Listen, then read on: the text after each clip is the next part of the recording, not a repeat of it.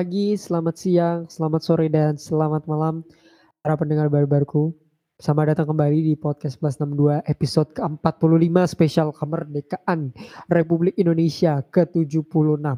Bersama gue host paling nasionalis di podcast perpodcastan Indonesia, Raffi Rainer.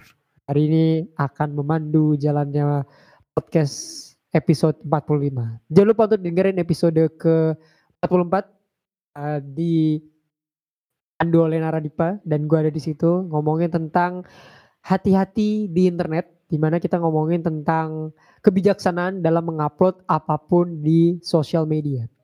Sejauh ini oke okay, uh, pendengarnya tapi menurut gue itu episode yang cukup apa ya gue nggak bisa bilang edukatif ya tapi uh, penting untuk lo tahu apa yang lo harus upload dan tidak di sosial media.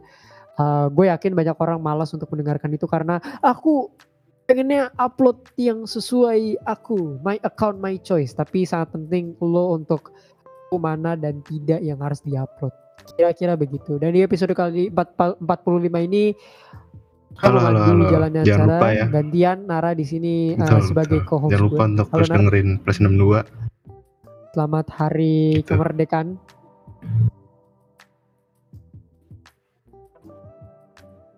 Betul. Ya, kita switching hari ini dan ya untungnya kita tidak berdua aja ya. Uh, tadi ada suaranya tipis-tipis ya. Um, squad yang sama, asik squad. Video yang sama dengan episode ke 43 ya. Ada Wahyu Wimar di sini. Yes, It's been a long time. Ya, uh, kembali lagi kita udah berapa bulan? Dua bulan ya kayaknya gue baru baru hadir lagi. Ya, hampir-hampir dua bulan deh kalau nggak salah. Terakhir kan lu di 43 ya. Uh. Uh, jadi ya yeah, welcome back, welcome back. Yeah. Uh, by the way, uh, gue sama Wahyu ada di 90 plus yang sudah mulai musim baru ya. Mm. 2021 2022. Ya yeah, you can check it out di episode ke-24 the newest episode dari 90 plus Ball Podcast ya. Buat lo yang suka sepak bola silakan ke situ. Dan ada Instagramnya juga ya Yu sekarang ya. Akhirnya di at 90 plus football podcast ya. Yoi. Boleh di follow. Dan di episode ini karena spesial kemerdekaan uh, initially konsepnya berbeda dengan apa yang gue pikirkan tapi karena uh, terlalu banyak pikiran ya yang harus mengharuskan gue untuk melakukan hal-hal yang tidak semestinya jadilah saya mengumpulkan orang-orang terbaik di Plus 62 untuk ngebahas ini. Asik orang-orang terbaik. Well, uh, Independence Day umur ke-76 Indonesia udah 76 tahun ya, seperti jarum, jarum 76. Um, kita sudah lewat Indonesia di usia 75 tahun. Uh, so many things happen di usia kemarin. Sudah tua juga ya, 76 tuh memang untuk ukuran sebuah negara tuh masih tergolong remaja ya, masih muda gitu lah. Belum lebih dari tiga digit ya. But Ya, we kind of old, 76. Uh, mungkin ke Nara ya, sama Indonesia di usia 75 tahun. Hmm. Apa yang lu dapat? Apakah ada some kind of upgrade dari umur 74 ke 75 ya selama 2020 2021 kemarin atau kita mundur ke belakang in terms of uh, kualitas? Upgrade. Kalau karena gue baru berumur berapa ya? 19-20 tahunan mungkin nggak nggak terlalu banyak yang bisa gue omongin cuman di sekitar gue gue ngerasa ada cukup baiklah perkembangan di tempat gue sendiri gitu di kota Tangerang tercinta ini. Waduh. Mulai dari merapikan tata kota. Kayak lu pernah gak sih ngelihat ini banyak terjadi di sini Indonesia di mana rumah-rumah tuh mepet banget sama sungai. Jadi udah benar-benar udah di pinggiran sungai banget lah itu kalau misalnya terjadi banjir kiriman atau apa kan tuh bahaya banget ya.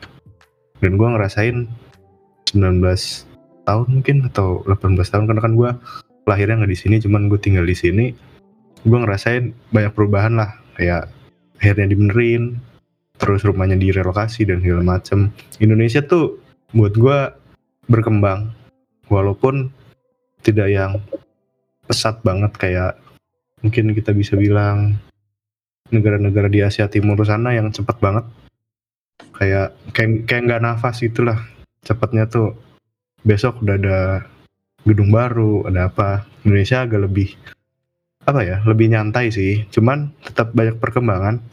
Walaupun di balik perkembangan itu juga ada beberapa sektor yang mungkin naik turun lah. Kayak mungkin misalnya sikap masyarakat, terutama semenjak munculnya sosial media ya, kita bisa lihat Hmm. sendiri kelakuan masyarakat yang agak gue nggak tahu ya apakah memang begini apa menurun secara kualitas attitude-nya tapi gue harap bisa membaik lagi aja sih ke depannya mungkin itu sih karena ya naik turun aja cuman tetap naik turunnya tetap dengan keadaan yang maju lah makin baik makin baik cuma memang butuh proses jadi kita yang harus sabar aja lah menghadapi orang-orang yang lu tau lah Hmm. Orang-orang tertentu, Iya. kalau kata istilah zaman sekarang tuh oknum ya. Tahu sih sebenarnya oknum yang kayak gimana? Oknum. dari lu yuk gimana yuk? Menurut lu selama satu tahun ke belakang sampai sekarang, em, well mungkin kayak Nara mungkin kita bertiga bukan orang yang tepat untuk bilang bagaimana perubahan Indonesia, tapi Iya. di sekitar lu apa yang lu lihat di sosial media, apakah kita berkembang ataukah berkembang tapi ke belakang? Se- aduh, sebenarnya kalau dibilang satu tahun ke belakang terus hanya lihat dari sisi gue sebagai yang awam jalan di tempat sih menurut gue justru eh, apa yang apa yang gue lihat ya berdasarkan apa yang gue lihat gitu ya untuk perkembangan Indonesia di khususnya di media sosial bagaimana orang-orang itu beretika dan juga berselancar di internet itu bener-bener menurut gue kemunduran bahkan bisa dibilang walaupun nggak signifikan tapi ada arah ke sana gitu. Tapi oke gue nggak bakal banyak ngomong yang jeleknya dulu. Mungkin kalau lebih bagusnya kalau lebih bagusnya mungkin kalau satu tahun nggak kerasa ya Ray karena uh, fokus dari pemerintah sendiri kan juga untuk hanya untuk covid itu uh, 80% jadi kayak perkembangannya sendiri menurut gue dari segi pandemi ini nggak bisa dibilang berhasil dan nggak bisa dibilang bagus tapi pemerintah cukup bisa dalam tanda kutip mengendalikan lah terutama hmm, apa ya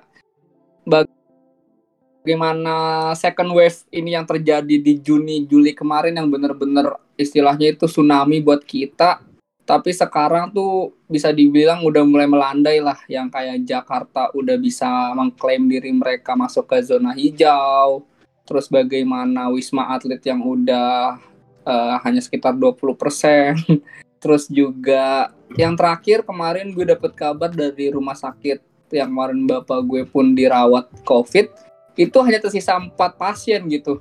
Dari dari yang sebelumnya belasan bahkan be- belasan atau bahkan puluhan dan tiap harinya itu silih berganti gitu. Sekarang hanya empat pasien dan belum ada ya amit-amit lah nggak ada nggak ada nggak ada penambahan gitu. Itu sih yang menurut gue perkembangan selama setahun terkait covid ya. Cum kalau dari ya itu sih kalau dari kalau lu bilang masa setahun terakhir karena kita hanya berkecimpung di covid untuk untuk setahun terakhir terutama dari pemerintah pusat gitu nggak ada yang hal-hal di luar pandemi ini entah itu transportasi atau ekonomi atau infrastruktur mungkin kayaknya gue kurang mendengar sih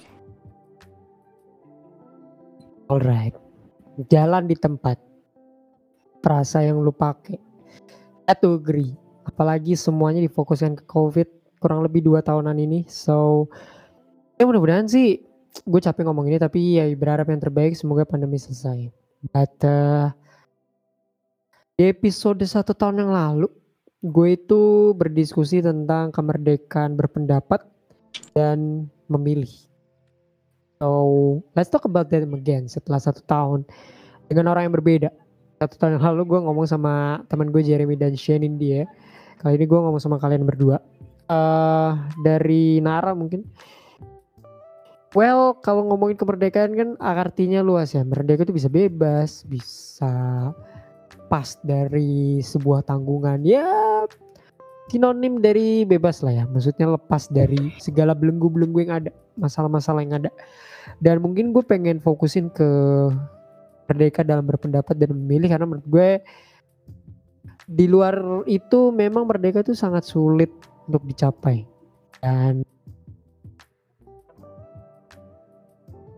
in this case adalah merdeka dan dalam berpendapat dan memilih yang menurut gue adalah sebenarnya hal yang mudah untuk dilakukan tapi ternyata ini menjadi suatu hal yang tidak itu apa. Dan apakah merdeka atau kebebasan berpendapat dan memilih di negara ini tuh menjadi suatu hal yang sepertinya tidak mampu dicapai. Kenapa? Oke, kalau gua sebenarnya merdeka itu kan luas ya. Cuma mungkin gue persimpel merdeka tuh di mana lu bisa punya kebebasan dan juga rasa aman lah dari lu mau misalnya bekerja ya tidak tiba-tiba dipukulin orang di jalan lu bebas misalnya berbicara bebas mencintai budaya lu dan lain-lain. Itu menurut gua merdeka lah. Lu bisa dengan bebas menjadi diri lu dan apa ya menjaga budaya lu lah. Nah kan ngomongin soal kebebasan berpendapat ya. Kalau menurut gue sebenarnya kebebasan berpendapat di Indonesia ini cukup tapi masih bisa dibenerin lagi gitu kayak ya banyak lah kasus-kasus dari gue nggak nggak perlu sebut lah. Mungkin gue kasih contoh simpel kayak misalnya banyak orang tuh meminta-minta kebebasan berpendapat tapi menghilangkan kebebasan berpendapat. Ya contohnya misalnya gue punya pendapat A terus satu lagi orang temen gue punya pendapat B. Kadang-kadang temen gue memaksakan gue harus punya pendapat yang sama padahal perbedaan pendapat kan ya udah biasa aja selama pendapat itu harmless ya menurut gue tuh fine fine aja gitu cuma kadang orang tuh merasa ini nih superioritas akan dirinya benar tuh itu yang bahaya sih sebenarnya. Dia merasa pendapatnya benar sehingga merenggut kebebasan orang lain gitu. Padahal yang namanya kebebasan berpendapat walaupun lu bisa benar-benar nggak setuju gitu kayak gue misalnya punya pendapat makanan A enak menurut lu makanan B nggak enak. Iya kan? Lu hmm. nggak hmm. boleh memaksa gue untuk bilang enak karena ya pendapat gue gitu. Asalkan itu tidak mengganggu dan merugikan orang ya. Harusnya kan kayak gitu cuma kadang orang tuh maksa gitu untuk pokoknya lo harus bilang enak gitu kalau nggak marah. Ini di semua elemen tuh ada gitu dari yang paling atas pemerintah sampai yang paling bawah sampai rakyat juga kayak gitu, gitu. oknum lah oknum oknum biar aman oknum-oknum ini nih yang bikin ribet gitu dan yang kadang-kadang yang bikin gue sedih juga adalah uh, kebebasan berpendapat dan memilih ini juga kadang hilang di instansi pendidikan sih. Hmm. Karena ada oknum-oknum guru yang di mana oknum ya, ya. ini di okay. garis bawahi, di bold, di diperbesar nih oknum guru yang di mana ketika murid punya jawaban A, tapi misalnya nggak ada di buku gitu, misal ada di internet atau apa yang mungkin datanya lebih baru tapi guru ini kolot gitu kayak pokoknya kalau saya bilang A ya A padahal kan belum tentu benar kita harus cek and recheck lagi gitu cuman kalau kata dia benar ya udah benar jadi kadang-kadang di beberapa nob ini menghilangkan kebebasan berpendapat yang menyedihkannya di dalam instansi pendidikan yang sebenarnya instansi pendidikan itu sendiri kan yang juga mengajarkan kebebasan berpendapat kan. Kayak di satu sisi kita dipush kan untuk ayo ngomong ayo apa namanya bicara gitu kan. Kayak misalnya siapa yang mau bertanya? Kan biasa dipancing kan biar pelajar-pelajar tuh bertanya walaupun pada diem-diem aja apalagi online. Hmm. tidur ya? Nah.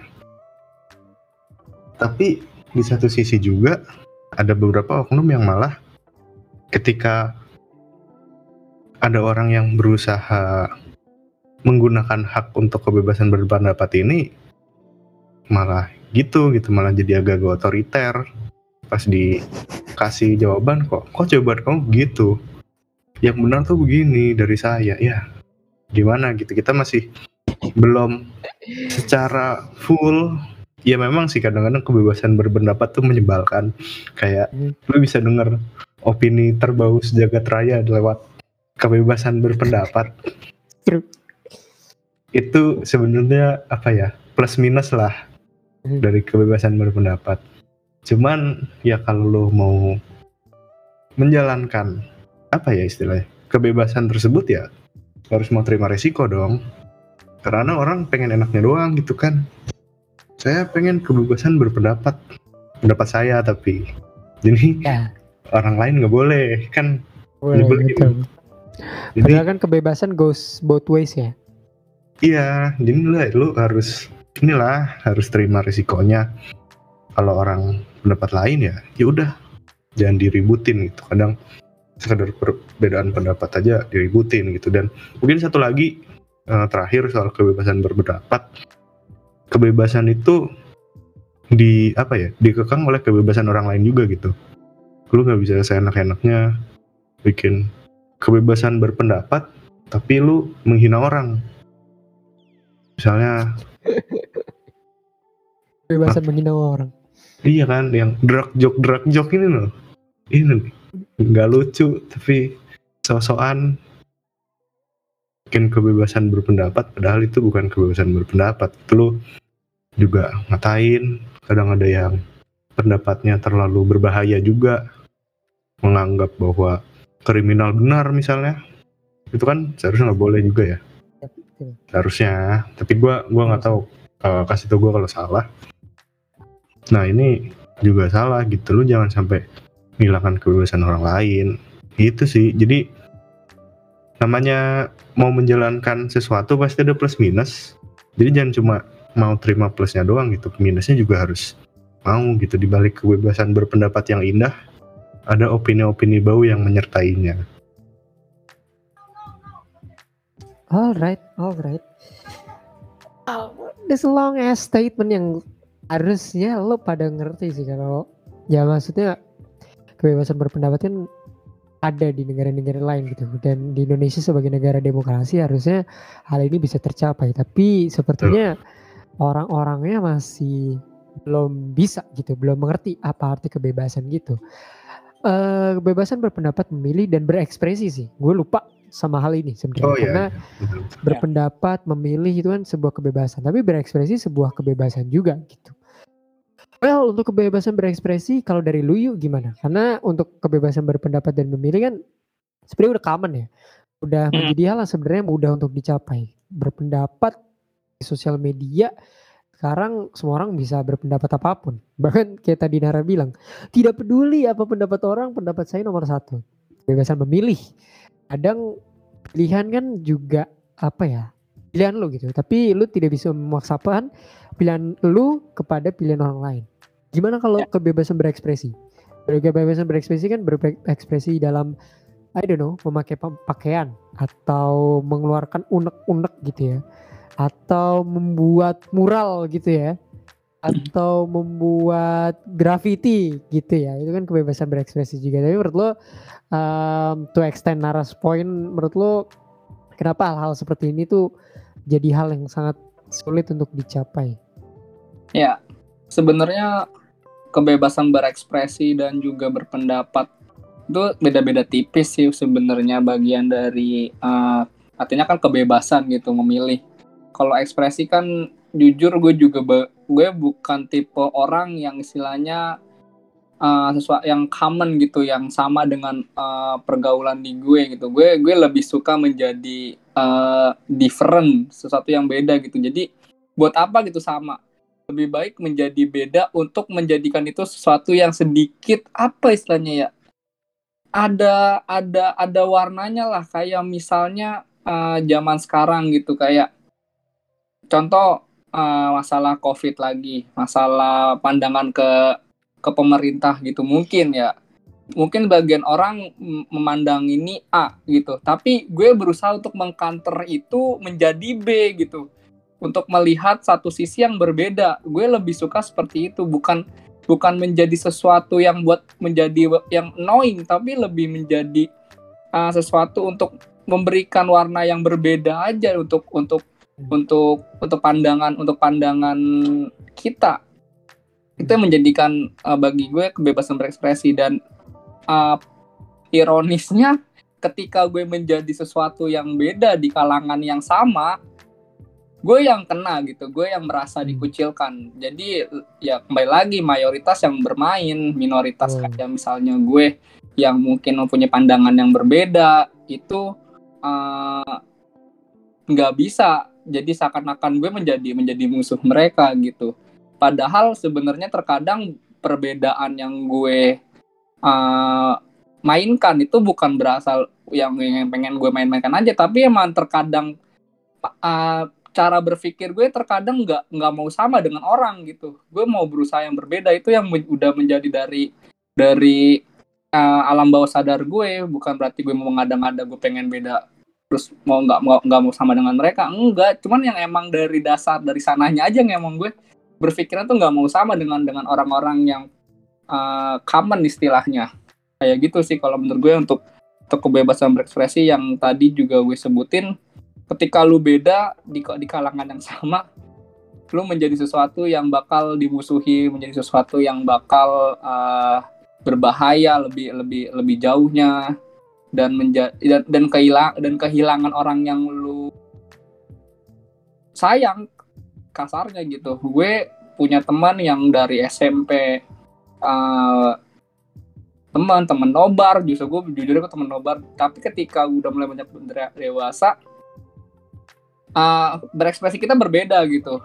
Itu yang membuat itu yang membuat gue akhirnya punya jaga jarak sama dia yang akhirnya uh, menjadi lost control lost komunikasi sampai saat ini gitu. Itu yang menurut gue sejahat sejahat ini ya gitu di di sini yang kalau kita berbeda berbeda pandangan. Padahal uh, gue ya apa ya nggak mau mau nggak nggak mau nyari musuh istilahnya nggak mau menjadi hmm. gue gue berbeda nggak mau jadi musuh cuman ya emang pandangan gue kayak gini kenapa lo nggak bisa nerima? Kenapa gue yang harus ikut dengan lo gitu kasarnya? Kenapa lo yang nggak ikut gue kalau gue mau egois gitu? Kalau kalau emang mereka egois di situ sih Indonesia saat ini kalau untuk masalah uh, kebebasan berekspresi dengan masalah masalah pakaian. Kalau masalah pakaian sih gue nggak terlalu memusingkan ya karena juga dari hidup dari uh, sehari-hari gue gue bukan orang yang emang jago style juga. Terkadang juga kalau main juga ya gue sebodoh amat. Pakai baka pakai kaos jeans jaket. Tau sendiri gue kalau kampus juga gimana kadang. Jarang yang emang modis gitu. Pengen cuman Indonesia panas kalau digituin gerah gue iya dilihat beda lagi ya ngapain kamu? Jadi ya udah okay, yang tiga yang, lapis. Kalau masalah pakaian sih gue nggak nggak nggak punya masalah dengan orang-orang luar sana ya. Cuman mungkin yang orang lain mungkin di di hmm. di judge. Tapi kalau boleh ngasih pandangan juga terkait pakaian mungkin lebih kepada skeptisme orang-orang sih. Kayak misal yang aduh ngeri juga sih ini gue mau ya pokoknya yang yang gitulah yang yang berbeda yang mungkin terlalu bersyariat dengan agamanya. Ya mungkin gue bahasanya kayak gitu yang terlalu bersyariat dengan agamanya yang terkadang mereka di uh, asumsikan yang aneh-aneh gitu. Kebebasan berekspresi mereka memakai pakaian uh, dikategorikan hal-hal yang radikal istilahnya. Itu yang saat ini ada di Indonesia pak Padahal sebenarnya itu kan juga bagian dari mungkin uh, syariat ya atau dari agama mereka gitu. Tapi orang-orang yang uh, sotoy ini bilang jangan deketin nanti bahaya gitu. Waduh. Lagi kalau botas, waduh. Waduh. Gimana? Kan, bahaya men kan kayak gitu kan kasihan juga gitu. Itu kan bagian dari uh, ekspresi mereka mungkin juga uh, kewajiban mereka sebagai pemeluk agama uh, salah satu agama. Kita yang menjadi penonton istilahnya cukup uh, melihat saja gitu tanpa harus berkomentar di belakang bahkan di depan mereka. Kalau dari pakaian sih kayak gitu. Karena yang mungkin sangat menonjol itu sih di Indonesia kurang lebihnya sama sih ekspresi berpendapat. Sama-sama kalau lu beda lu bakal lu bakal lu bakal dimusuhin sih kasarnya. Iya, padahal itu yang sebenarnya menjadi kenapa kita 76 tahun lalu sebenarnya bisa bersatu kan. betul The, the, the, the ya, perbedaan pendapat itu dan siapa kita kan berbeda-beda gitu ya. Tapi sepertinya di zaman sekarang semuanya harus satu pendapat, satu rasa, satu karsa. That's why it's kind of suck. Kayak tadi Wahyu bilang uh, being different is different gitu ngerti gak? Uh, it's okay yeah. to be different sebenarnya tapi enggak apa ya tidak harmless kalau menggunakan katanya Nara sebenarnya menjadi berbeda tidak apa-apa tapi ketika perbedaan itu membuat perpecahan sebenarnya itu yang di dikhawatirkan akan terjadi kan tapi orang sebelum perbedaan itu menjadi perpecahan sudah sudah di prevent duluan wah kamu berbahaya ini pikirannya bisa jadi radikal padahal belum tentu itu menjadi radikal gitu. Betul, Jadi betul. radikal ketika seseorang itu menjadikan itu radikal sebenarnya itu bahasa uh, hmm. gampang ya. Tapi ya yeah, we live in this country man. We live in the country mana sebenarnya 76 tahun kita belum belum benar-benar merdeka banget gitu. Dan pemikiran masih dijajah ya. Maksudnya pilihan lu menjadi pilihan orang lain kan berarti itu dijajah kan secara tidak langsung. Ya. Lu memilih A ya, orang lain harus B soalnya A nanti bisa mengacaukan ketentraman dunia ya kan atau pilih kepala daerah A aja soalnya tidak sesuai dengan ini gitu ya kan atau ya apa pun itulah menurut gue sebenarnya kita tuh masih belum merdeka merdeka banget gitu uh, bahwa kita tidak dijajah secara fisik mungkin iya tapi kadang ada beberapa hal yang sebenarnya kita masih mudah untuk dipecah belah gitu ya. B gampang sih untuk memecah belah Indonesia ya, tapi kan uh, tujuan kita kan adalah sila ketiga ya persatuan Indonesia. Gue sebenarnya pengen nanya ke Nara. Lalu sebenarnya kita udah bener-bener merdeka banget ya sih? Sebenarnya apa hal yang sebenarnya kita apa ya? Sebenarnya apa hal yang membuat kita tuh sebenarnya masih secara tidak langsung dijajah? Wah, berat nih. Takut nyenggol. Tapi kita apa -apa dikit. terhalus aja ya. Jadi terhalus. Apakah sudah benar-benar merdeka? Ya merdeka gitu. Cuma ada hal yang di mana kemerdekaan kita tuh direbut sama bangsa kita sendiri gitu. Di sama oknum lah, oknum, oknum. Oknum lagi. Oke. Okay. Oknum lagi nih. Di mana kayak contohnya kan gue di podcast ngomongin film Hmm. Kadang kita masih dijajah dengan orang yang suka boykot-boykot film tanpa alasan jelas. Dijajah dengan orang yang membajak film. Kayak ada film baru sehari keluar gitu di Netflix, tiba-tiba di repost di TikTok. Itu ya. kan itu kan ini merebut kemerdekaan para pembuat film Mereka. gitu. Hmm, dan ya itu menyedihkan aja sih buat gue kayak ya di dalam lingkup kita sendiri tuh kadang-kadang sebangsa kita juga masih suka saling apa ya saling mengambil kemerdekaan orang lain gitu nih semoga kata-kata gue nggak salah ya.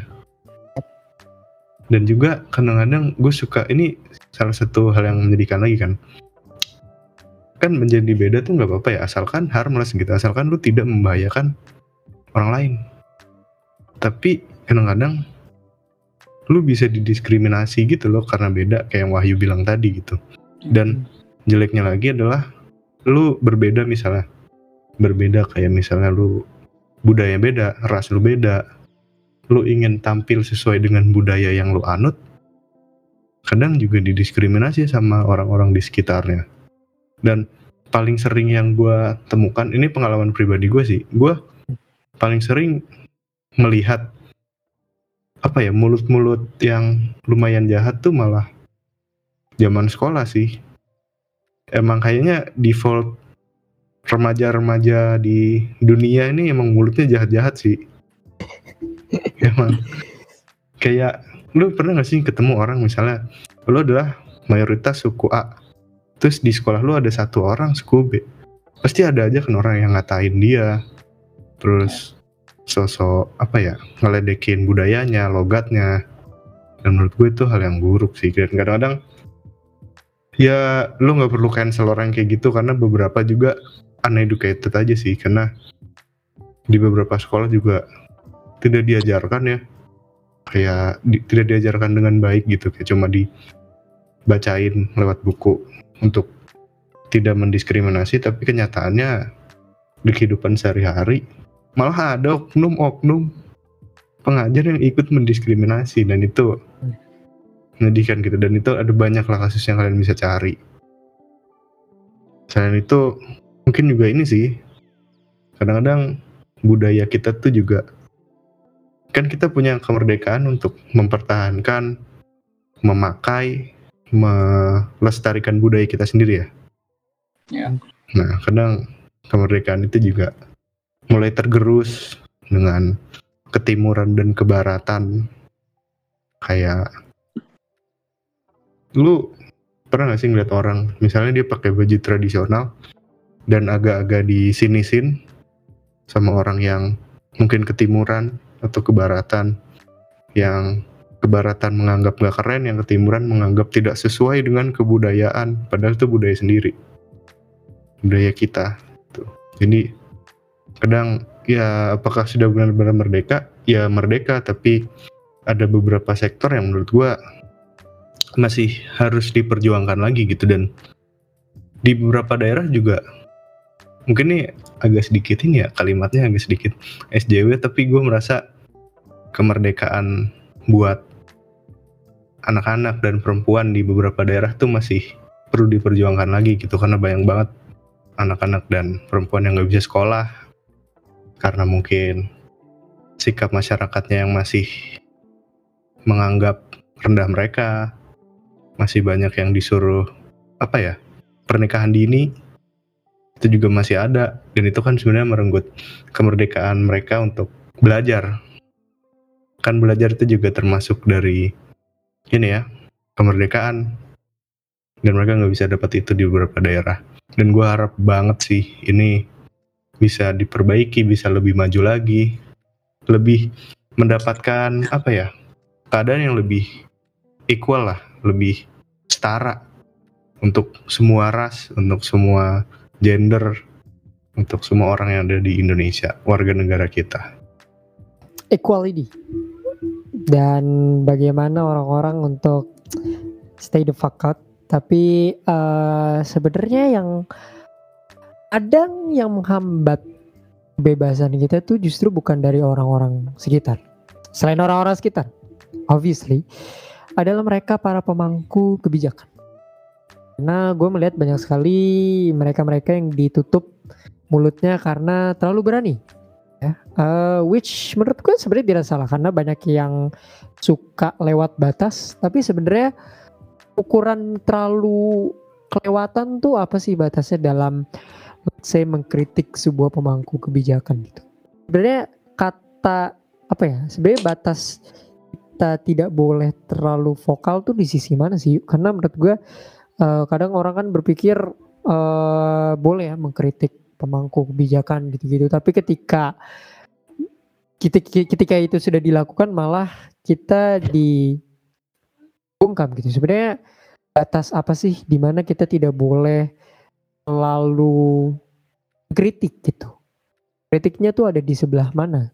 Apakah harus sopan santun ataukah kembali lagi kepada sopan santun dasar negara kita kali ya bagaimana menyampaikannya itu bagaimana mendelivernya secara tetap secara tetap apa ya tetap tetap terstruktur dan terarah gitu bukan menjadi hal yang uh, head speech atau uh, istilahnya brutal atau anarkis. Karena yang kita lihat belakangan ini adalah lebih kepada head speech atau juga makian terhadap satu satu aktor gitu untuk untuk menyampaikan hmm, kritikan tersebut bukan melalui hal-hal yang lebih kreatif kreatif kayak misalnya mural ataupun hmm, demo, demonstrasi ataupun surat terbuka yang mungkin lebih terstruktur, lebih lebih sopan yang atau lebih santun yang diharapkan oleh para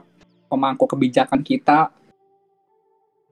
Tapi yang ter, yang kalau gue boleh kritisi di sini adalah lebih kepada bagaimana para apa ya para para atas sana sih melihat kita yang dalam artian sudah berkreasi, sudah melakukan uh, kreativitas untuk mengkritik, tetapi justru harus menanggung apa ya? Menanggung dosa lah untuk diri kita sendiri. Padahal niat kita tuh untuk mengkritik agar sesuatu ya jadi lebih baik kan intinya. Karena kalau boleh gue juga lebih dalam begitu kalau mereka beranggapan seperti itu mereka sadar bahwa mereka salah gitu.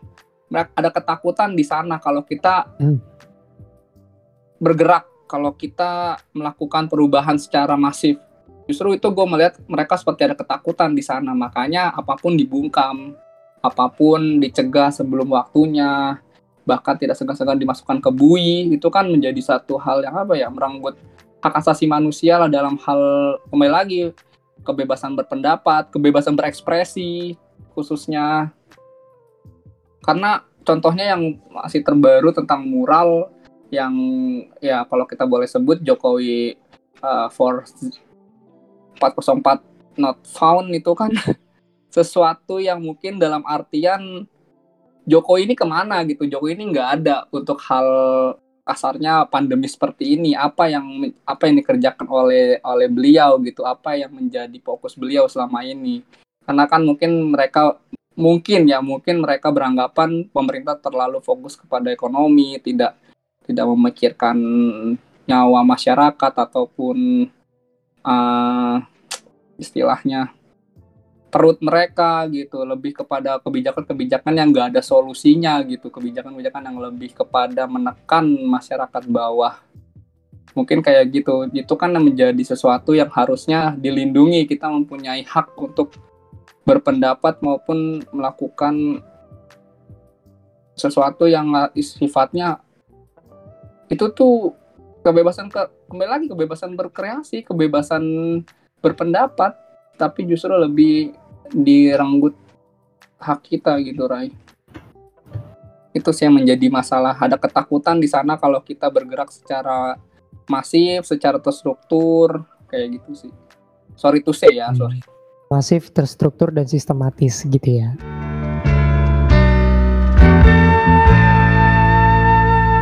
Man, it's kinda heavy ya. Jadi gue akan turunkan tone pembicaranya little bit. Um, let's not talk about para dalam tanda kutip pemangku kebijakan ya karena kadang ya para pemangku kebijakan itu juga kita gitu ya. I mean mereka berangkat dari rakyat gitu. Orang-orang yang sebenarnya juga merasakan hal yang sama sebelum mereka menjadi para pemangku kebijakan gitu. Tapi memang um, sebenarnya kita nggak tahu batasan too much is too much gitu ya. What is what's too much is too much gitu. Apa yang sebenarnya bat batasnya itu di mana sih? Apakah batasnya itu di A? Tapi orang boleh di Z gitu ya. Kemarin dia boleh ulang tahun menyelenggarakan ulang tahun tuh pas pandemi kok aku nggak boleh nikah pas ppkm gitu. Sebenarnya kita kan hmm. nggak tahu ya. Sebenarnya batas yang too much itu seberapa much sih? Seberapa batas sih? Gue gue sebenarnya nggak nggak nggak berpikir gitu loh karena sebenarnya kita agak darurat darurat orang jujur gitu ya darurat orang cerdas mungkin cerdas belum tentu jujur tapi jujur sudah pasti cerdas well itu sudah dibuktikan oleh beberapa berita-berita kebelakangan ini imagine orang yang korupsi itu minta bebas gitu ya. Menurut gue itu udah darurat ya. uh, orang yang jujur gitu. Karena kan dia melakukan gitu ya apa yang lu tuai gitu. Eh apa yang lu apa ya enam itu yang lu tuai gitu. Lu korupsi ya kan? Merugikan banyak orang. Tapi ketika lu difonis penjara lu lu bilang kalau lu yang adalah yang dirugikan gitu kan. Itu kan bau banget ya opininya sebenarnya. Uh, saya merasa dirugikan. Saya punya keluarga punya anak. Dan dia melakukan itu merugikan mungkin Tuhan keluarga yang juga punya anak gitu ya. Kadang mungkin itu tidak dipikir tapi terpikirkan oleh dia. Tapi ya kadang menurut gue korupsi itu juga tanda bahwa kita masih dijajah gitu ya. Pemikiran-pemikiran bahwa saya harus mendapatkan uh, insentif yang lebih besar ya. Uh, duit-duit yang harus dikumpulkan dari bantuan-bantuan sosial ya. Bahkan ada juga kemarin tuh gue dapat berita gitu ya. Kalau nggak salah Bu deh uh, bantuan-bantuan itu tuh orang cuma dapat berapa persen gitu loh. Dia seharusnya dia dapat seratus ribu dia cuma dapat lima puluh ribu gitu. Hal, hal yang kayak gitu kan yang apa ya kita darurat orang jujur gitu. Terus ada lagi sebenarnya ini korupsi atau enggak ya? Tapi ini cukup nyeleneh di mana uh, pegawai negeri Spanyol asik PNS itu di suatu kota depannya T ya mereka bikin apa ya bikin sebuah perjanjian pergumpulan gitu ya buat sebuah conversation di mana gimana kalau baju kita tuh dibuat oleh uh, apa ya produsen yang mahal gitu ya let's say Louis Vuitton. Bajunya NS dari Louis Vuitton gitu ya. Anggarannya 675 juta. Untuk baju dinas. What do you think about that Nar? 675 juta. Memang kocak aja sih sebenarnya. Orang-orang ini gue juga nggak ngerti sih. Mungkin apa ya yang bikin kejujuran tuh susah diterapkan? Kadang pertama adalah dari kecil tuh kita nggak pernah di apa ya mungkin kejujuran tuh nggak nggak terlalu dihargai gitu. Kayak dari zaman sekolah sampai lu kerja orang nggak peduli kan lu proses lu gimana. Mereka cuma peduli sama eh pokoknya lu gimana pun caranya hasilnya harus gini gitu. Untuk ke bawah sampai lu dewasa gitu sampai jadi pemangku kebijakan yang aneh-aneh. Dan kadang-kadang gue nggak ngerti. Kadang orang yang sudah punya jabatan di atas malah uh, gimana ya bahasanya tuh? Nggak peduli dengan keadaan sekitar gitu loh. Kayak misalnya dia pemangku kebijakan ada orang susah terus malah anggarannya dipakai buat beli sesuatu kayak tadi. Itu kan kayak nggak punya apa ya common sense lah lagi susah begini nih sebenarnya lakuannya nggak beda jauh lah sama mungkin maha-maha pelajar yang di tengah pandemi masih maksain bikin acara besar gitu. Padahal banyak yang nggak bisa nggak bisa lanjut nggak bisa lanjut kuliah gitu. Kan kenapa nggak ditolong? Kenapa duitnya dipakai buat kayak gitu? Itu kan common sense ya. Kalau kita punya punya apa ya? Nurani deh nurani lu kan keluarin uang ratusan juta untuk sesuatu yang bukan kebutuhan primer juga kan? Maksud gua ya contoh tadi baju. Baju bisa beli kapan aja ya kan? Hmm. masih istilahnya lo kayak ngotot pengen baju itu pun juga lima tahun lagi juga kebeli kali. Kenapa harus sekarang? Kenapa harus di saat orang-orang lagi susah gitu? Ini juga maha-maha pelajar nih juga gitu. Bantulah kawan-kawan. Kasihan yang menengah bayar UKT susah malah disuruh jadi ini panitia ditagihin duit. Suruh jualan risol. Kan itu nyusahin gitu lo coba lebih berpikir lagi gitu. Sebenarnya juga ada ini baru sih. Menurut gua banyak orang yang kehilangan common sense-nya sih. Ini juga ada ada kasus baru yang di mana lu beberapa universitas ospeknya terlalu memberatkan gitu kayak harus bikin tiga video TikTok Waduh. apa gitu. Itu kan juga rap. iya menurut gue itu juga nggak punya common sense. Lu lu pikir semua orang punya cukup kuota untuk bikin. Nggak semua orang punya kan. Apalagi pandemi banyak orang kehilangan pekerjaan. Nggak semua orang rumahnya kondusif untuk bisa bikin tugas sebanyak itu yang sebenarnya lu nggak ngerjain pun tetap lulus kok. Kan? Jadi ya itu sih common sense orang Indonesia tuh banyak yang hilang. Kayak udah nggak punya rasa malu juga gitu. Bela-belain beli baju mahal di tengah pandemi tuh nggak ada rasa malu nggak ada nggak ada ini juga empati nggak ada gitu. Jadi ayolah.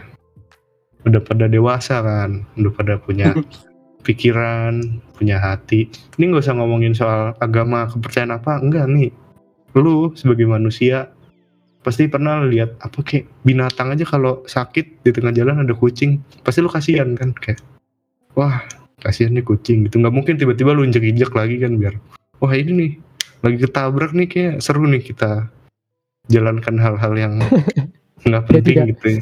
Betul. Iya, jadi ayolah sebagai manusia pasti punyalah rasa seenggaknya kalau lu nggak bisa membantu, at least nggak nyusahin lah. Kalau nggak bisa membantu, jangan menyusahkan.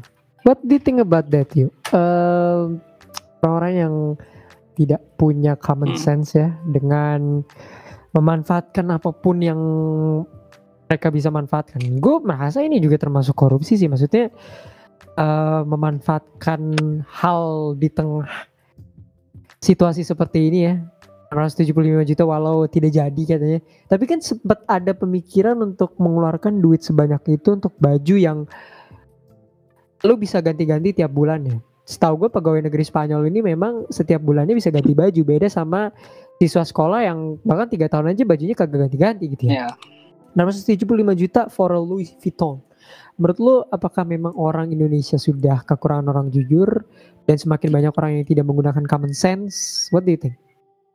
Iya, eh, sebenarnya kalau dibilang kekurangan orang cerdas, ya gue setuju. Kehilangan orang jujur, iya. Karena orang Indonesia itu suka dengan proyekan, Rai. Karena dengan proyekan itu mereka Oh. punya celah. Betul, betul. Eh, ditambah 750 juta untuk baju tidur DPRD Spanyol tuh terlalu mewah. Baju tidur? gue. Iya. Eh, kerja Baju ding. tidur. Oh, Kerja, kerja. Oh, Kerja. salah tadi. Mm-mm, untuk untuk baju kerja kan baju safari dia baju dinasnya kan terlalu terlalu mewah lah ditambah kan lagi masa sulit kayak gini yang tadi dibilang Nara ya benar 750 juta kalau lu uh, alokasikan untuk masyarakat satu satu kota kan juga itu sesuatu yang sangat membantu kan ditambah lagi masa kayak gini ppkm yang segala macamnya dibatasi untuk hal berdagang dan uh, berjualan. Dan untuk masalah yang tadi gue bilang karena orang orang orang di Spanyol sana memang suka dengan objekan-objekan atau ya proyekan-proyekan karena dengan itu mereka bisa mengambil sesuatu yang mungkin ya cincai lah gitu Hmm. jadi mengambil kesempatan mengambil kesempatan di dalam objekan tersebut ya nggak usah jauh-jauh deh dengan eh, hal yang sifatnya pemerintah kalau kita bikin bangun rumah atau ada mandor yang menjadi pro- apa rumah kita aja pasti masa sih nggak ada hal yang di korupsi istilahnya Mm-mm. Tipis-tipis lah ada. tipis-tipis ada dalam Tipis-tipis lah. kayak hal kecil kayak gitu kayak masa misalnya RT yang ketika mengambil bansos tapi dimintain 5000 untuk ya ya capek atau 10000 itu kan menjadi hal yang seharusnya kan enggak enggak ada dalam aturan Tapi menambah-nambahkan sendiri ya. di tempat gue ada kayak gitu jujur. Itu yang gue sebenarnya gemes sih pengen pengen terkadang kalau ada eh, kayak gitu ingin gue ingin gue dokumentasikan menjadi hal sesuatu yang menjadi bukti gue nanti gitu. Tapi gue belum kesampaian karena takut juga sih gue nanti kena SJW juga gue justru yang malah jadi eh, ma- apa amukan masa juga dari teman-teman dia pada komplotannya kan juga bahaya ada sebenarnya kayak gitu eh, pungli-pungli. Itu kan menjadi hal-hal yang istilahnya nggak common sense juga untuk untuk kita apalagi di masa pandemi kayak gini. Ada sebenarnya bahkan kayak ditarik 20.000 ribu bahkan sampai 40.000 ribu gue sempat dengar Tuh, ada besar Di- sekali. di di daerah gue ada di di, di circle gue di circle gue di di di circle terdekat gue. Itu makanya orang Indonesia memang uh, kayak gitu. Kita ya berharapnya ke depannya ya cobalah untuk untuk uh, berempati sedikit lah dalam hal apa pun itu. Uh, kalian juga masa sih masih kurang istilahnya? Kalau kalian kurang bagaimana kita gitu yang di bawah? Kita aja nggak pernah nggak pernah nggak pernah teriak pernahkah kita uh, meminta gitu. Kalian justru yang istilahnya mengambil kembali hak kita. Kayak gitu sih. Makanya hal-hal common sense yang tadi dibilang Nara udah makanya gue cuma sedikit nambahin kayak kayak gitu sih. Hal-hal yang menjadi objekan terus proyekan yang menjadi ladang ladang apa ya? Ladang uang lah istilahnya kasarnya. Sebenarnya kalau masalah korup nilep duit orang tuh sebenarnya udah kayak terpelihara dari kita kecil gak sih? Kayak hmm. tapi kalau dikasih tahu denial gitu dan kadang-kadang kayak misal deh uh, kadang-kadang pengurusan uang alma mater tuh kan dipegang sama kalau nggak yang pemegang kuasa kayak lembaga-lembaga kampus atau sekolah atau kadang malah tongkrongan ngap-ngap. Mm -hmm, betul itu kan kadang-kadang di, dikorup gitu diambil misalnya dua ribu apa sepuluh ribu gitu. dengan kalimat gue punya kenalan konveksi kenalan. Betul. Oh iya nih udah udah bawa bawa udah gak enak nih. Dua ratus lima puluh tebusannya lima puluh ribu. Waduh. Iya. Jadi tapi ketika kita bilang bro itu kan korupsi mereka denial gitu bilangnya. Ya, tapi kan betul. tidak menyengsarakan rakyat.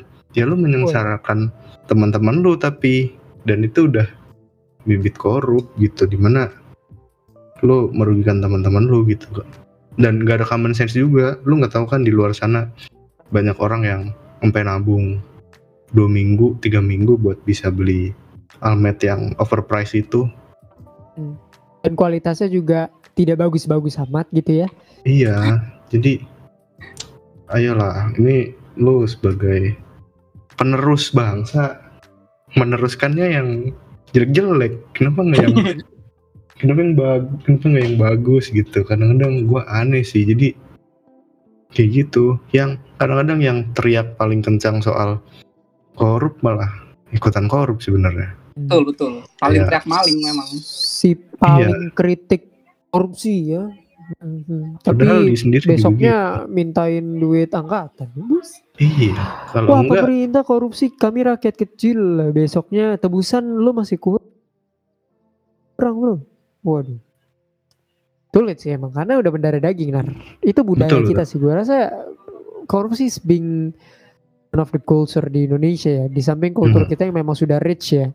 Uh, budaya A sampai budaya Z bahkan we have uh, thousands mungkin ada ribuan budaya Indonesia tapi salah satunya adalah korupsi gitu ya. Samping budaya gotong royong yang sangat lekat ya, ada budaya korupsi. Budaya gotong royong dalam berkorupsi mungkin ya, yang bisa di hmm. uh, fusion gitu. Dan kadang kayak nih, lu pernah gak sih zaman-zaman ini zaman-zaman jahiliyah nih SMP SD gitu lu pasti pernah ketemu teman atau siapa lu yang lu nggak terkenal kenal lama tapi satu sekolah tiba-tiba pagi-pagi sekali sebelum UN tuh jual beli kunci jawaban hmm. itu kan sebenarnya tindakan korup juga ya tapi kalau misalnya kita kita marahin kita apa gitu dia kita malah kita nanti yang jadi korban kekerasan dari klubnya dia jadi Betul. Kadang mau melawan pun juga lu susah gitu. Apalagi lu nggak punya power di belakang lu jadi ya susah sih. Jadi kecurangan apa ya korupsi kadang-kadang juga gotong royong sih mereka. Kayak nilap uang almet kayak gitu. Itu emang yang dilap satu kan enggak. Pasti ada tongkrongan di belakangnya atau mungkin orang-orang di belakangnya yang di mana kalau kita lawan kita lagi yang kena jadi ya harus dari kitanya juga yang berubah gitu untuk menghilangkan budaya jelek ini sih ya uh, speaking of harus dari kitanya gue juga nggak pernah ikut seperti itu ya kebetulan bahkan gue tidak hmm. punya any things like jaket angkatan atau helmet angkatan karena gue tahu bagaimana uh, politik sebenarnya yang terjadi sejak kita dari bangku SMA dan SMA ya. Kita secara tidak langsung itu adalah politik gitu ya. Dan bahkan para ngap-ngap pemangku jabatan di sekolah itu sudah belajar bagaimana caranya uh, menjadi pemangku kekuasaan gitu ya, membuat kebijakan seakan-akan mereka adalah pemimpin di sekolah itu. Tapi it's okay, it's okay. Role play lah ya, jadi uh, pemerintah. Kan di kuliah juga kita sebenarnya role play jadi uh, negara ya, bisa dilihat dari politik-politik yang terjadi.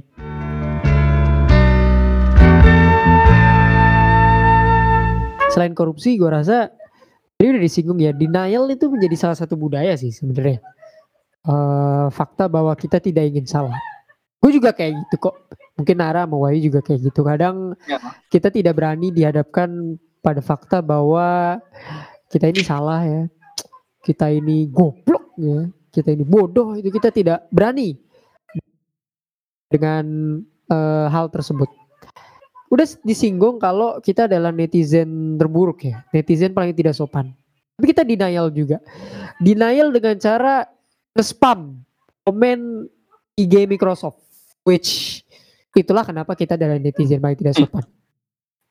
Sama halnya dengan ketika Indonesia dikeluarkan sebuah list Indonesia ini rata-rata IQ-nya tuh 87. Normally IQ yang bisa dibilang good ya itu 90 sampai 110 atau 90 sampai 100 normal. Berarti kan kalau di bawah 90 di bawah normal dong ya kan? Berarti kan rata-rata goblok ya gak sih? Ya, tapi kita denial dengan bilang wah goblok lu Microsoft wah kita tidak ingin dibilang goblok dengan menggoblok-goblokan orang lain. Nah itu, uh, menurut lo kita darurat orang cerdas gak sih? Ataukah memang IQ 87 itu sebenarnya adalah sebuah gimmick ya supaya Microsoft bisa mendatangkan uh, traffic atau memang we indeed are goblok gitu? apa-apa yang harus dirubah supaya rata-rata IQ itu bisa 95 100 gitu. Apakah itu bisa tercerminkan dengan warga-warganya yang seperti ini? Ya, sebenarnya uh, sedih sih sebenarnya kalau kita di itu mungkin lebih kepada memang cap dari Microsoft secara jujur untuk kita memang. Kalau kalau kita melihat bagaimana masyarakat kita berselancar di internet ya lu tahu sendiri gimana gimana barbarnya mereka kan jempol-jempol mereka itu sangat luar biasa sekali luar menghujat terus menghina bahkan sampai ke fisik bahkan ke keluarga yang nggak ada sangkut pautnya pun mereka bisa melakukan itu loh. Itu yang menjadikan mungkin Microsoft gerah dalam dengan hal itu ke ke kalau ya kalau gue boleh sedikit kasar kedunguan oknum-oknum itu bahwa sebenarnya internet kan diciptakan untuk untuk untuk kita saling apa ya saling berinteraksi lah simpelnya. Tapi malah digunakan untuk menjasti apa menjat seseorang mendenial seseorang lalu juga untuk uh, memberikan argumen dia bahwa itu dialah yang paling benar. Hmm.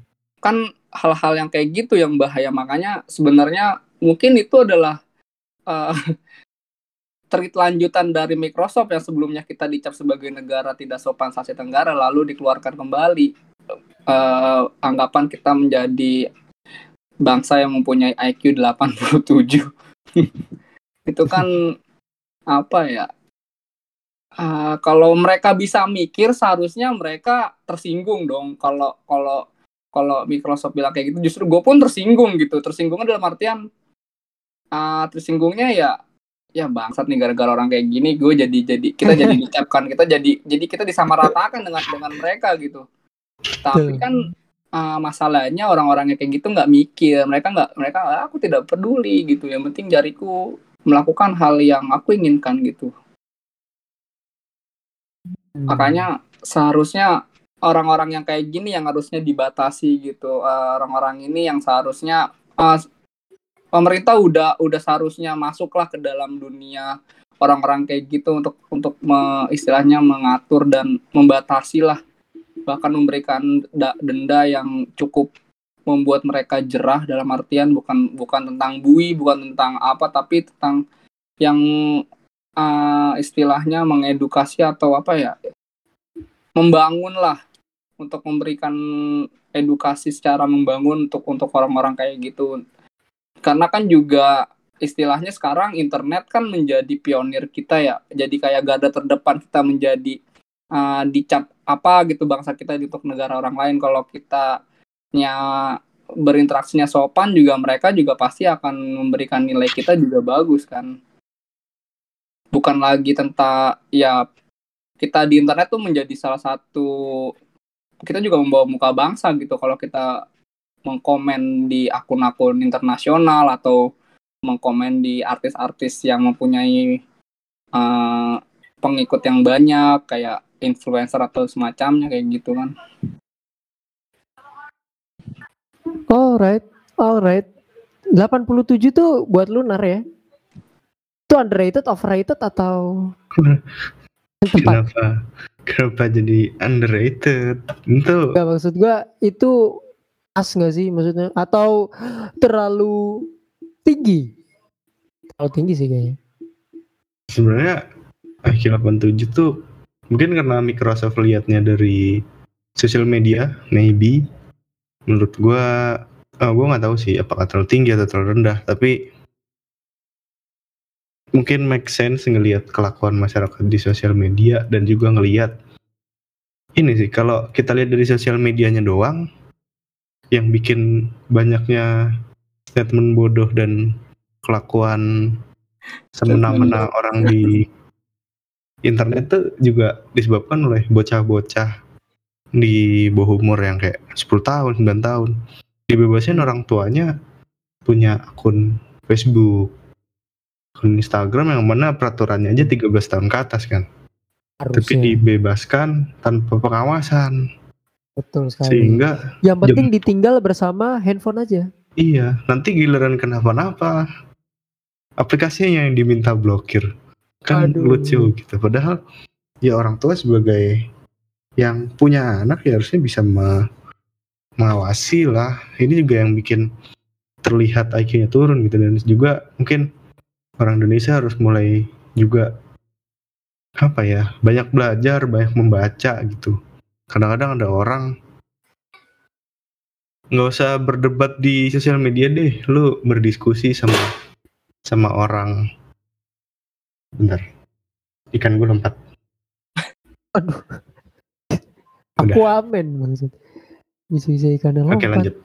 Oke lanjut. tadi sampai mana? Berdebat. oh ya Eh, berdiskusi secara offline pun misalnya di kampus dia apa? Ada orang kan pernah. Tiba-tiba dia ngasih ini. Entah literatur apa. Tapi disuruh jelasin nggak bisa gitu. Jadi kan lu kayak kayak berdebat sama orang bodoh ya cuma ngasih ngasih oh ini saya ada buku saya nggak tahu apa pokoknya nih bisa mengkanter argumen kamu gitu ya itu sih yang kadang bikin orang tuh IQ-nya butuh butuh belajar sebenarnya.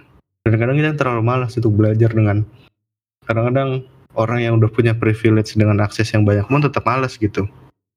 Kayak lu sering gak sih orang yang punya duit terus dia juga sekolah di tempat yang oke aksesnya di kota yang oke tapi tugas aja joki gitu itu kan menunjukkan sebenarnya IQ ini kan bukan masalah lu terlahir bodoh ya menurut gua Hmm. ini kan bisa lu lu belajar lu jadi naik nanti.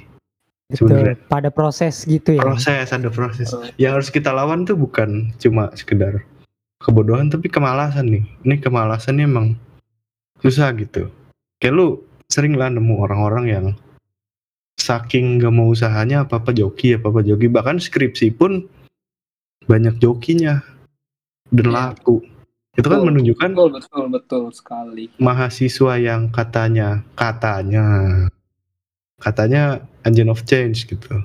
Agent of Tapi- change. Ternyata agen, Tapi- agen telur. Iya, ternyata agen joki, joki skripsi. Jadi kalau mau nggak dipandang IQ-nya rendah ya, ya belajar ya. Jangan malas gitu. Dan juga mungkin untuk pemangku kebijakan di atas sana, investlah di pendidikan gitu. Karena gue merasa pendidikan di Indonesia gitu, terutama gue yang dari SD sampai SMA sekolah di negeri tuh merasakan lah lo yang sekolah di negeri dan bukan negeri yang top 5 ya kayak negeri yang mungkin agak-agak apa ya ner bahasanya? Agak-agak tidak diperhatikan lah. Hmm. lu pasti ngerasain lah kayak kesenjangannya. Padahal sesama negeri punya sama-sama punya negara gitu tapi ada perbedaan yang begitu jauh gitu. Yang menurut gua harusnya bisa ini diperbaiki gitu jadi lebih baik supaya kita jadi lebih cerdas. Dan juga oknum-oknum oknum lagi nih. Oknum pengajar yang gua nggak tahu apakah IQ-nya ikutan rendah apa apa kolot. Tapi ini kadang-kadang bikin Setara murid yang tuh murid tuh gak, gak berkembang gitu. Jadi pernah gak sih lu nemu oknum guru atau oknum pengajar? Tapi omongannya tuh gak make sense gitu bilang bahwa nanti kalau kebanyakan naik sepeda bisa nggak perawan. Loh. Wah. ini kan ultimate ini. Ini kan udah ultimate banget. oknum pengajar kok gitu gitu gue gue sampai tercengang gitu gue denger orang yang bisa berbicara seperti itu gitu. Nggak bijak banget lah. Jadi mungkin lawanlah kemalasan itu. Kadang juga kita juga ini juga untuk refleksi lah bahasanya ya. Untuk kita juga gitu sebagai di plus 62 ini kan masih pada mahasiswa juga untuk mulai melawan kemalasan lah untuk gua alhamdulillah nggak pernah pakai joki sampai sekarang. Walaupun masih deadliner Yap. tapi joki gua nggak mau pakai karena gua tahu gua aja belum tentu bener gimana joki. Yang yang kita nggak tahu nih joki nih sekolah di mana kuliah di mana jurusannya apa. Terus tiba-tiba lu bayar dia buat ngerjain tugas yang lu sendiri aja belum tentu bener gitu. Menurut gua agak-agak tindakan bodoh aja sih. Sama bodohnya dengan beli kunci jawaban juga gitu. Jadi ayolah kita bareng-bareng termasuk gua kalian oknum pengajar pemangku kebijakan sama-sama melawan kemalasan dan kebodohan lah.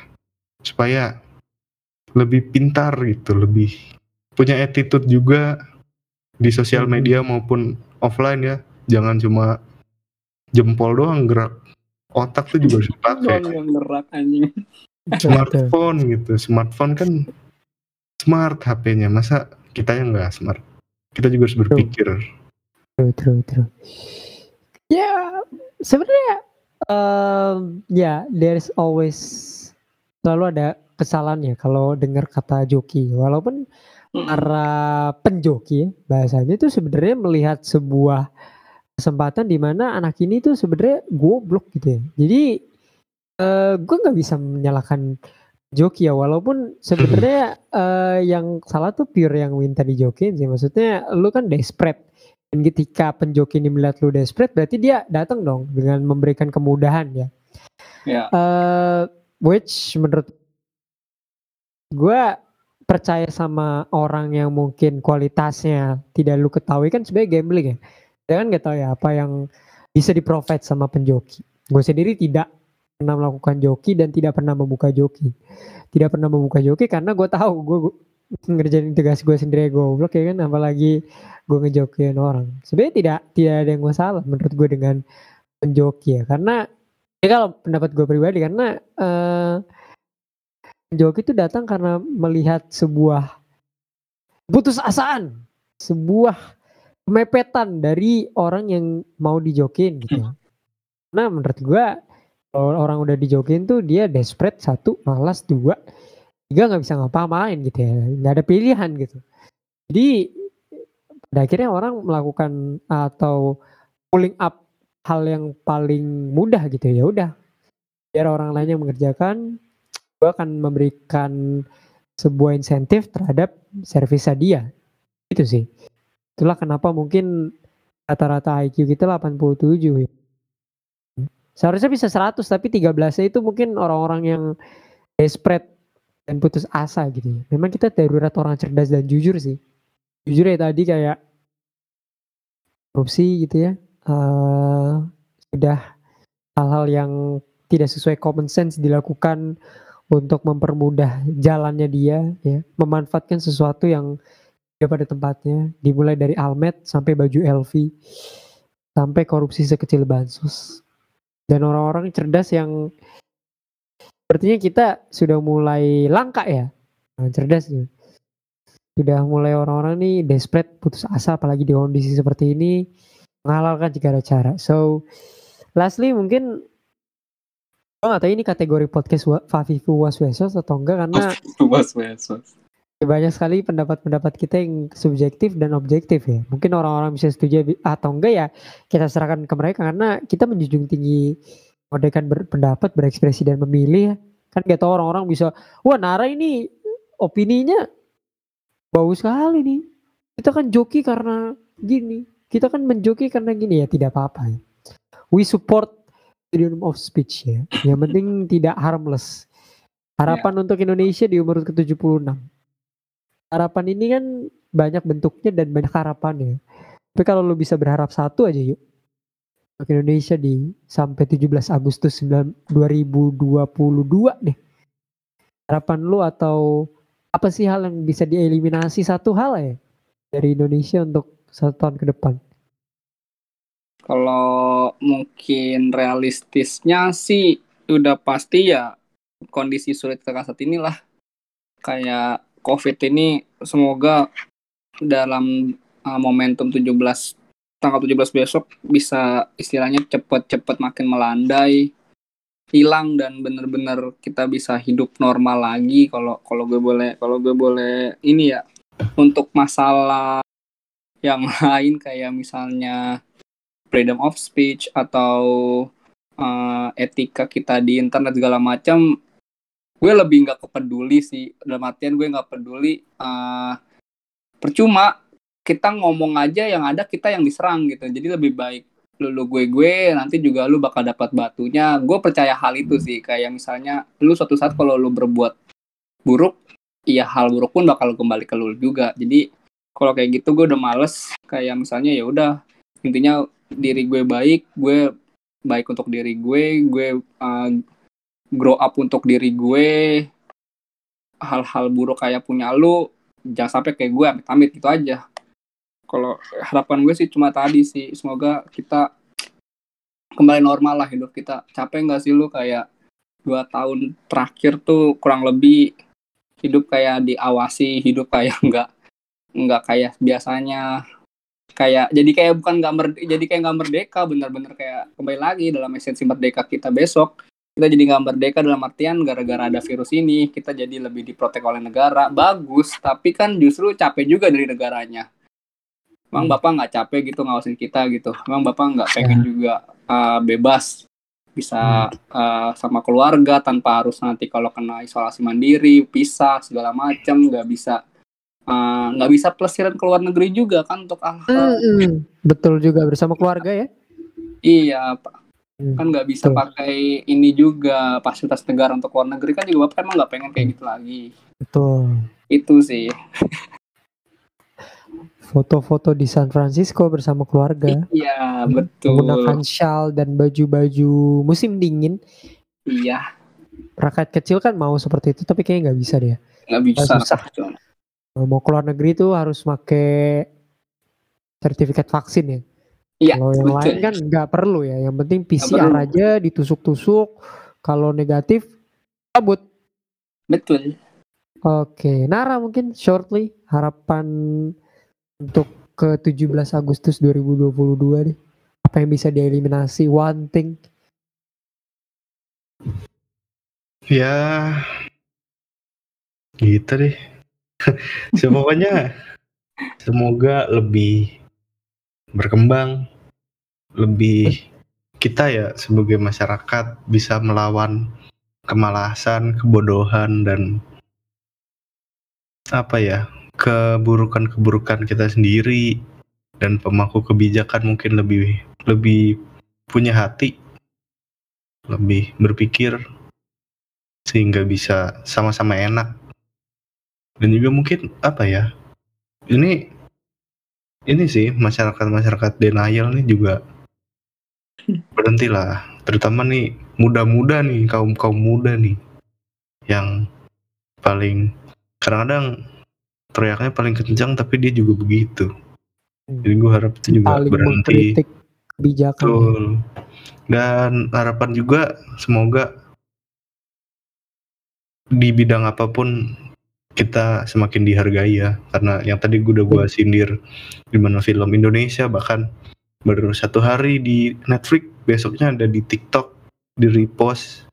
Menurut gue itu nggak menghargai. Jadi gue harap juga untuk semoga orang Indonesia lebih bisa menghargai karya bangsanya sendiri gitu yang bagus ya. Jangan cuma sekedar karya anak bangsa doang gitu tapi yang bagus untuk lebih berkembang supaya nanti nggak jalan di tempat kan? Jadi itu sih. Kurang-kurangi inilah membajak membajak tuh nggak ada untungnya lah. Lagi pula lu bayar terus lu repost kan rugi sebenarnya. Kalau lu Hmm, berpikir lebih iya. ke depan. Orang-orang lain berarti kan bisa nonton iya. dengan jumlah uang yang jauh lebih beda daripada lu dong. betul.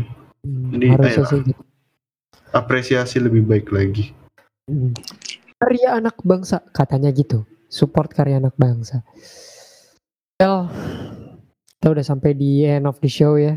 Kayaknya tone-nya sedih gitu ya, tapi eh soalnya menyedihkan sih ngeliat apa yang terjadi akhir-akhir ini maksudnya Iya. disappointed but not surprised gitu ya mungkin frasanya jadi kalau gue sih pengennya stop memanfaatkan peluang-peluang yang sekiranya mind blowing aja. Kayak maksudnya ini bang sih ngomongnya tapi kan di lapangannya mungkin kayak maksudnya eh, baju LV eh, korupsi bansos eh, hal-hal yang sebenarnya tidak perlu dilakukan tapi lu lakukan tuh nggak perlu. Mungkin gitu sih. Kedewasaan dalam kedewasaan dari pemangku kebijakan gitu sih. Jangan bikin hal-hal nyeleneh lah maksudnya fokus kepada hal yang perlu dan eliminasi hal yang tidak perlu eliminasi 675 juta untuk LV lakukan 700 juta untuk tes PCR gratis. Probably that's more uh, beneficial untuk orang-orang yang butuh ya daripada ngeluarin 900 ribu untuk PCR kan. Mending dia ngeluarin banyak untuk PCR kan. That's the more important thing. Daripada kita melihat lu menggunakan baju coklat ada LV-nya it's not important lah. Maksudnya baju lu sekarang juga bagus kok. Iya. kalau cuma dipakai buat main Zuma tapi it's it's okay lah. It's okay lah. Lebih baik ini kan daripada tidak sama sekali. So Raffi Rainer bersama Nara Dipa Akbar dan Wahyu Wimar. Boleh diingat nama kita enggak jangan. Eh itulah episode 45 maaf kalau kesannya Fafifu Waswesos. Mungkin ini eh our thoughts saja sih untuk supaya orang-orang tidak memanfaatkan hal-hal kecil yang tidak perlu. Eliminasi yang tidak perlu eh, maksimalkan yang urgensinya lebih penting gitu ya.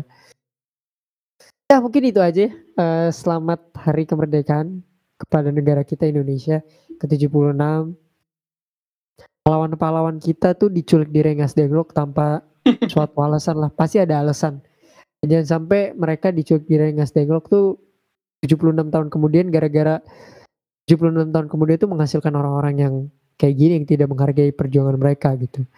Yang harus lakukan upacara diam-diam supaya Jepang tidak menembak atau Jepang tidak melakukan hal-hal yang tidak diinginkan kepada orang-orang Indonesia ya yang sampai harus melakukan perjanjian A sampai perjanjian Z supaya kita bisa menikmati kemerdekaan ini. Just negara yang baik adalah negara yang mampu mengapresiasi hal-hal yang sudah dilakukan oleh para pejuangnya.